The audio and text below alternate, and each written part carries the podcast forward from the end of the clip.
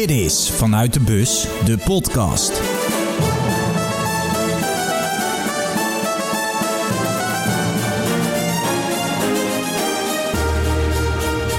Dag 26 van Vanuit de Bus. Nog vanuit Nederland. Morgen vertrek ik definitief naar Denemarken. Samen met eh, Joost Hofman, bekend van de krantjes bij F Kikken. We gaan de krantjes, de podcast, de itempjes allemaal vanuit Denemarken maken. Maar vandaag dus nog één dagje in Nederland, in Amsterdam.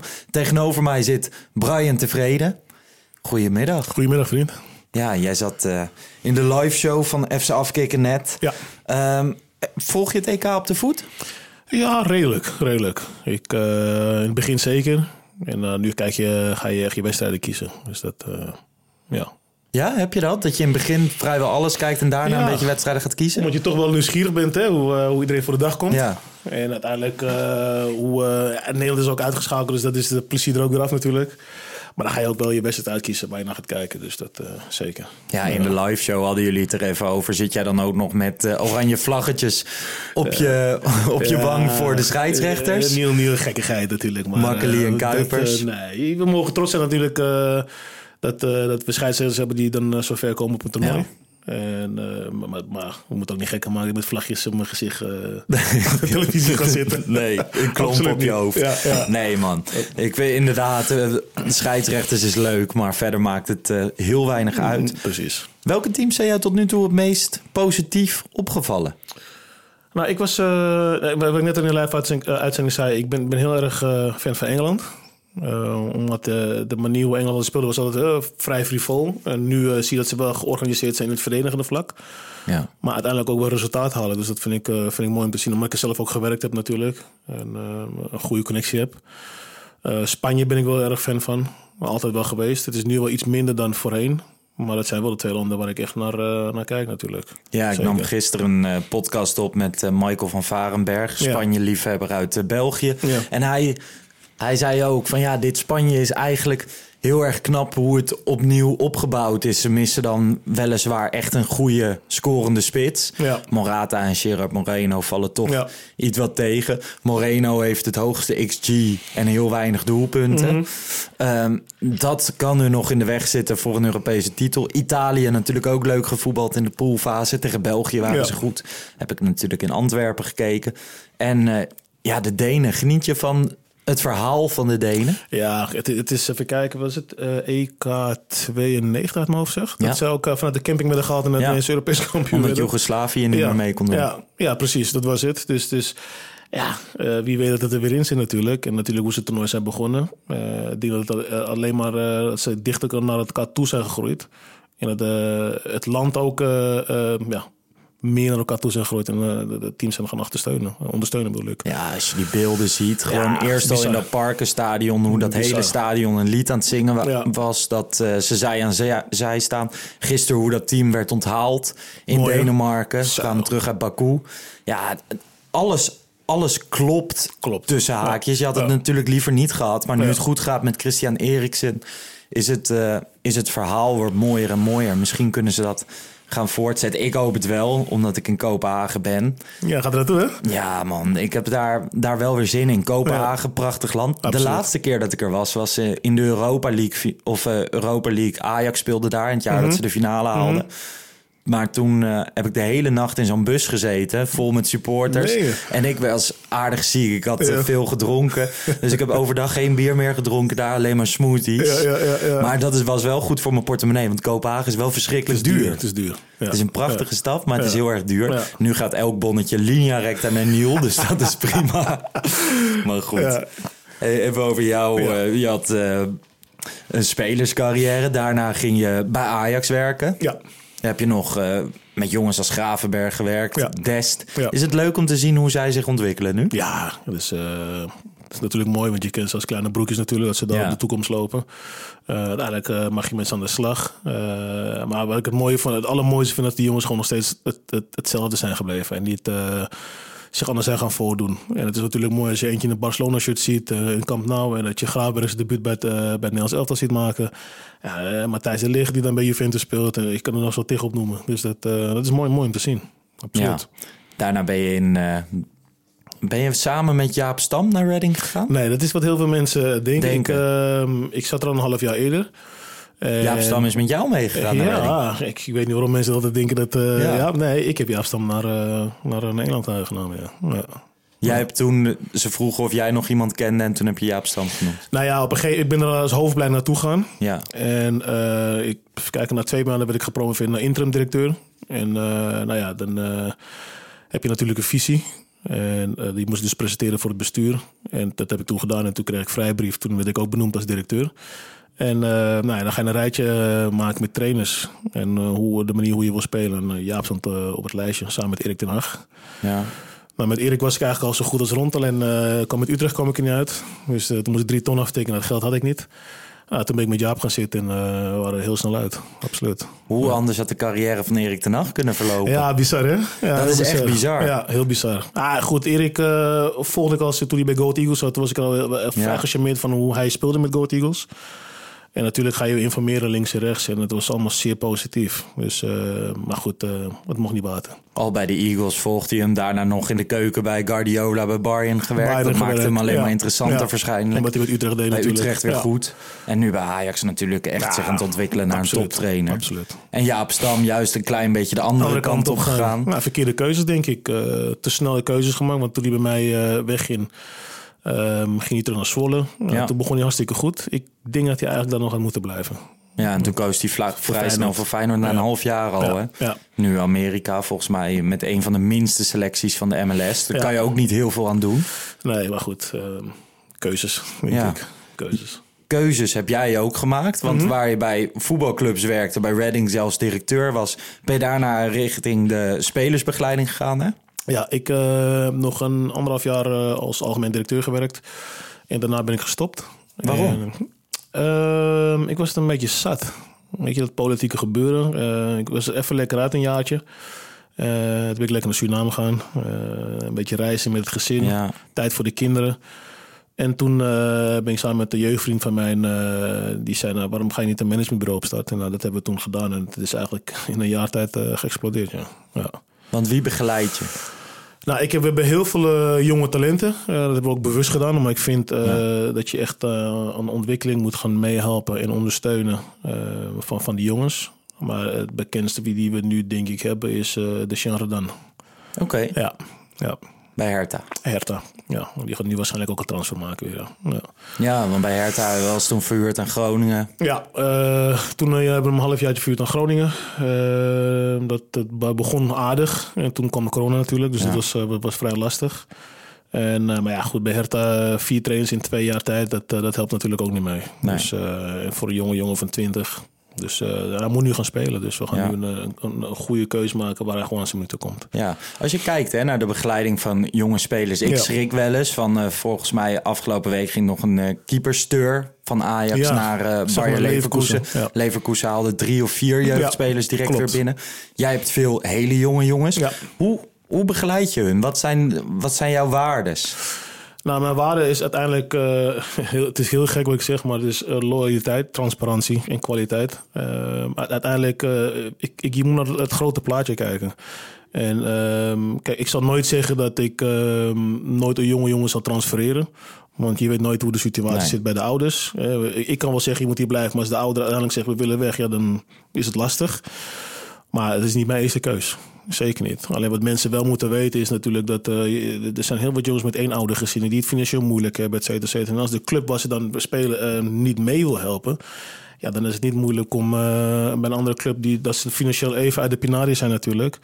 En een, een goed plan hebben om richting het elf, eerste elftal te komen. Ja, dan, dan, dan ik, ik, ik snap het wel, laat ik het zo zeggen. Maar Ja. het is niet mijn eerste, ons eerste keuze om te zeggen van bij de eerste beste club van hup, we gaan we zijn weg. Absoluut niet. Nee, ik heb jou ook vaak op eh, Clubhouse horen praten. Ja, Eh, dat was midden in de periode dat er heel veel prikkelen rondom Ja. Brian Brobby waren. Jij nam het eigenlijk best eh, fel op voor Brian Brobby destijds. Jij zei van, ja, wij kennen zijn situatie niet. We kennen niet welk perspectief Ajax hem schetst. Wij, eh, ze halen een spits van 22,5 miljoen. Bij Leipzig kan die heel veel geld verdienen. Ja. Eh, wat hij waarschijnlijk bij Ajax natuurlijk ook had Ook, gekund. zeker. zeker. Maar ehm, dat we als buitenwereld soms best wel eens hard zijn voor die jongens. En dat zij het ook hartstikke lastig vinden. Klopt. En wat ik net uh, vind grappig dat je het zegt, want dat, is zo. Je hoort heel vaak vanuit de buitenwereld. Ja, en die maakt de stap en uh, geldwolf en etc. Ik durf te zeggen, elk andere persoon die dat roept, als die in die situatie waren gekomen, waren ze ook weg. Dus het, is makkelijk. Um, alleen we moeten uh, wel relativeren kijken wat er achter de schermen gebeurt. In wat voor situatie die jongen zit. Want het is niet alleen de jongen maakt die keuze. Het is ook natuurlijk, het is nog steeds een jonge jongen. De ouders zitten er ook nog bij. Ja. Dus die kunnen hem ook een kant op duwen. Dus, uh, en, en als jij in een, in een splagaat zit van of je laat je ouders in een situatie. Eh, nou, probeer je dan niet bij IJs, omdat bij IJs die ook ontiegelijk veel geld verdienen. Maar als je als jeugdspeler je ziet dat je moeder elke maand maar alle knoopjes aan het eind moeten knopen. Of je kan uh, een stap maken en je kan je ouders uh, weet je, ontlasten van alle zorgen en et cetera. Ja. ja. Eh, voor een jongen 15, 16, ga die keuze maar maken. En dat is wat mensen niet begrijpen. Nou, en ook waar ik heel vaak over nadenk. Van er zijn jongens die gaan dan in de jeugd naar de top van Engeland. Dan wordt er geroepen van gaan ze toch niet redden. Maar dan komen ze bijvoorbeeld weer terug naar Nederland. Wat Patrick van Aanholt destijds heeft gedaan. En uh, ook uh, Bruma. Ja. Maar in die Nederlandse jeugdelftallen, jongens die niet kiezen, vallen op een gegeven moment vaak ook nog af. in jong Ajax of... Ja, uh... het, het, het, is, als je in de toekomst kon kijken om te zeggen van als ik blijf en ik ga redden, ja, dan, waren er heel veel jongens gebleven. Maar dat, dat, kan je niet, want ik bedoel, als jij bij uh, Ajax in de onder 18 speelt, betekent ook niet dat jij later in het eerste elftal komt. Hè? Dus dat is, is ook nog maar 10% is, of zo dat dus uiteindelijk doorkomt. We moeten wel realistisch blijven. En dat is een fout die mensen. Uh, dat we zijn heel gauw geneigd om te roepen van uh, ja, we gaan je niet redden of uh, je bent een gelf. Nee, dat, dat zijn verschillende factoren die meetellen. Wat komt er nog meer kijken bij begeleiding? Want ik kan me voorstellen dat het inmiddels veel meer is dan alleen helpen bij een transfer. Ja, zeker. Nou ja. Ik had het net met Ralf Seuntjes ook over. Er zijn heel wat uh, agenten. Dat is, dat is een, een businessmodel hoor. Om alleen maar met contracten bezig zijn. Maar zo zien wij het niet. Wij, uh, wij durven best zeggen dat wij een, een 360 management zijn omdat we de spelers uh, uh, op het veld, maar ook buiten het veld uh, begeleiden. En je bent bezig met een mental coach. Je bent natuurlijk de thuissituatie met de spelers zelf. en noem maar op. Weet je, dat, dat, dat bieden wij de spelers echt aan. Dus ze kunnen ook gewoon altijd iemand bellen? Oh, zeker. Zeker weten. Want inderdaad, Simon Tjommer sprak ik van de week. En die heeft inderdaad ook een heel team eromheen. Klopt. Investeert echt in die in die spelers. En wil echt een goed plan voor ze hebben. Ja. Uh, ook zeker met hele jonge jongens die die begeleidt. Dat is nog gevaarlijker lijkt me dan gewoon een volwassen, ervaren speler. Uh, nou, zeker, want kijk, uh, wat mensen moeten begrijpen, hoe, hoe ik het zie, is natuurlijk... Kijk, je hebt de voetballer, maar je hebt ook nog steeds de mens. Ja. Achter de voetballer. En ik ben heel erg geïnteresseerd in wat, wie, wie de mens is achter de voetballer. En mensen kijken alleen maar naar de voetballen, maar je hebt nog een persoon achter, weet je. En dat, dat wil ik weten. En uh, wat is de drijfveer van, uh, waarom wil jij heel graag voetballen? Heb je een vriendje of een vriendinnetje, et cetera. Daar ja. ben ik oprecht geïnteresseerd naar. En vanuit daar kunnen we sta een stappenplan maken. Is het dan bijvoorbeeld ook zo als bijvoorbeeld iemand, ik, ik zeg maar wat, een jongen van 16 zegt tegen jou van, ja Brian, ik vind voetballen hartstikke leuk, mm -hmm. maar ik wil voetballen om gewoon ervoor te zorgen dat ik op mijn 35ste niet hoef te werken. Ja. Is dat ook een ingang als iemand dat gewoon zegt? In plaats van ja, ik wil alles eruit halen wat erin zit? Ja, het, het is, het is ook een manier. Hè? En, en, daarom wil ik ook weten waarom. Ja. Want ik bedoel, uh, als hij niet vertelt waarom hij dat doet, dan kan je moeilijk een, een stappenplan voor een persoon maken. Dan ben je alleen maar, ja, we willen dit en dit, terwijl die jongen dat misschien helemaal niet nodig heeft of misschien helemaal niet wilt. Ja. Dus daarom ben ik ook oprecht uh, benieuwd waarom jij voetballer wil worden. En wat, wat de drijfveer erachter is. Dus, uh... Merk jij zeg maar ook vanuit clubs, um, ik denk je hebt inmiddels spelers uit allerlei culturen. Ja. Um, jongens die anders communiceren dan directeuren ja. bij betaald voetbalclubs. Zich misschien ook af en toe onbegrepen voelen. Ja. Um, ik denk dat dat bijvoorbeeld in het geval van Brobby misschien ook wel zo was. Hij praat natuurlijk op een hele andere manier dan Mark Overmars, et cetera. Mm -hmm. um, merk jij dat clubs daar al mee bezig zijn om, om een speler te willen begrijpen? Nou ja, kijk, ik heb zelf uh, zeven jaar bij Ajax in de jeugd gezeten als trainer. En ik heb daar die omslag ook gezien natuurlijk. Uh, en, en, puur ook dat... Um, kijk, ik ben zelf Suriname, een Surinaamse ja. achtergrond natuurlijk. Ik ben in Nederland geboren. Maar um, ja, op een gegeven moment je Surinaamse trainer, de Marokkaanse trainer, uh, Marokkaanse hoofdopleiding op een gegeven ja. moment. Omdat uiteindelijk, uh, die jongens willen ook... het is misschien heel, heel cru, maar ze willen ook naar iemand op kunnen kijken, weet je. Dus... dus je merkt bij Ajax op een gegeven moment wel dat het op een gegeven moment meer naar de multiculturele kant ging in, in staf. Ja. Dus, dus dat betekent uiteindelijk ook wel dat ze meer die binding naar, naar die jongens willen hebben natuurlijk. Van hoe praat je met een bepaalde speler? ze willen, um, waarom gedragen die jongens zich zo? En, en dat was in het verleden was het nog wel, natuurlijk wel anders. Ja, het Ja. is gewoon. Elk individu heeft gewoon een andere manier van benaderen nodig. Maar ik heb het idee dat dat tien of twintig jaar geleden nog niet zo was in de Nee, voetbalwereld. helemaal niet. Ik, ik kan me herinneren, ik bedoel, ik, in mijn jeugd had ik het gelukkig wel. Had ik Willem van Hanegem natuurlijk, die, die me hartstikke goed Ja. begreep. Andries Jonker, die me heel goed begreep. Wim Kwakman, eh, die, die vergeet ik nooit meer. Die eh, ontiegelijk veel geduld met me had. Omdat ik me heel onbegrepen voelde. Maar Ja. dat zijn mensen die, die ik- Hans de Koning, die, die moet ik ook nog benoemen. Maar het zijn allemaal mensen die, die ontiegelijk veel geduld met me hadden. En, ehm, maar ik heb ook de andere kant gezien. De mensen die absoluut niet naar wilden luisteren. Van dit is hoe je het gaat doen. En anders eh, flikker je maar op. Ja. Ja, en dat is nu in deze tijd eh, toch wel wat anders. Ja, clubs moeten erin mee. Ajax, Absoluut. Ajax loopt daarin ook wel redelijk voorop. Ik was gewoon benieuwd of het in een manier van onderhandelen bij clubs ook al wordt meegenomen. Ja, nou, onderhandelen moet ik zeggen, eh dan blijven die boevenstreken toch nog wel eh weet je, eh, actief, om het zo Ja. maar te zeggen. Dus dat is ongeacht kleur of, of, of waar je Ja, vandaan dat is alles. Eh, Dat is, maar ze proberen het wel. Ja, zeker weten. Super tof. Als je kijkt naar de voetbalwereld en de begeleiding. En Ja. over bijvoorbeeld tien jaar, waar zou jij willen dat het naartoe gaat? Het voetbal of de begeleiding bedoel De je? begeleiding. Nou ja, het, het kan heel kort maar zijn. Ik zeg gewoon eh, open en eerlijk. Ik, eh, dat, dat zou ik persoonlijk echt willen. Omdat ik, ik zie nog wel heel veel verhalen voorbij komen natuurlijk van eh, ehm, spelers of ouders die verkeerd zijn geïnformeerd. Of dat er informatie wordt achtergehouden. Of dat ze Ja. zelfverrijking, daar heb ik gewoon ontiegelijk veel moeite mee. Maar zou jij dan ook bijvoorbeeld zeggen dat dat transparant moet zijn, niet alleen binnen een club en binnen, binnen een transfer, maar ook gewoon naar buiten uit? Zoals bijvoorbeeld als je De Vrij had met zijn. Eh, met zijn 7,5 miljoen, die dan door SEG blijkbaar achterover is 15 gezet. miljoen. 15? 15 miljoen. Ja, en we hadden het net over eh, Denzel Dumfries Ja. en dan alles boven de 15 miljoen is Ja, split tussen ja. PSV en Mino Raiola. Maar de buitenwereld ziet dat heel vaak niet. Nee. Maar als je alles transparant wil maken, zou je dat ook gewoon altijd bekend moeten maken. Volgens mij gebeurt het wel met transfers, wat, wat de clubs betalen. Ja, inderdaad, de som, maar je weet niet wat de verdeelsleutel nee, maar goed. Ik, aan de ene kant, ehm, de verdeelsleutels, ja, ik bedoel, met zaken doen zie je bepaalde dingen ook niet. Dus ik, ik, Nee. daar heb ik niet zoveel moeite mee, maar ik heb wel moeite mee, eh, wat je net zegt, met de vrij die dan eh, verkeerd wordt geïnformeerd of, of er wordt geld achter, daar heb ik gewoon ontiegelijk veel moeite mee. Dan moet je gewoon open en eerlijk zijn van, eh, luister, ik kan eh 7 miljoen verdienen. Of- Waarom, waarom is het zo moeilijk om, om 2 miljoen aan de ouders te geven? Ja. Dan heb je nog steeds eh 5,5 miljoen. Eh, dat is wel Ja, en het is ook heel moeilijk voor, voor mij. Kijk, zaakwaarnemers worden Ja. gezien als boeven. Nou, maar terecht, hè, als je dit soort dingen hoort. Ja.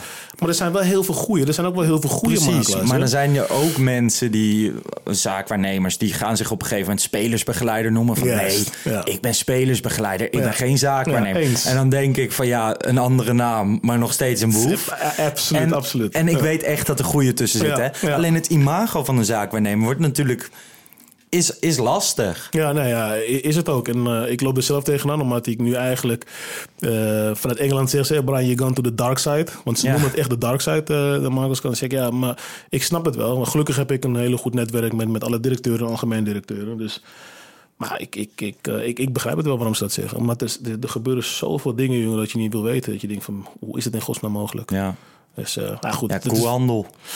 ja, Af en eh, tot aan het bruut aan, ja. Ja. Ja, ja, echt eh, schandalig, maar goed. En dat heb ik gezegd, dus ik, ik hoop, om terug op je vraag te komen, dat, dat het gewoon open, en eerlijk en, en transparant is. Oké. Ja. Thanks voor dit gesprek. Dankjewel voor de Dank dat het even kon. Zeker. En wees goed voor de jongens.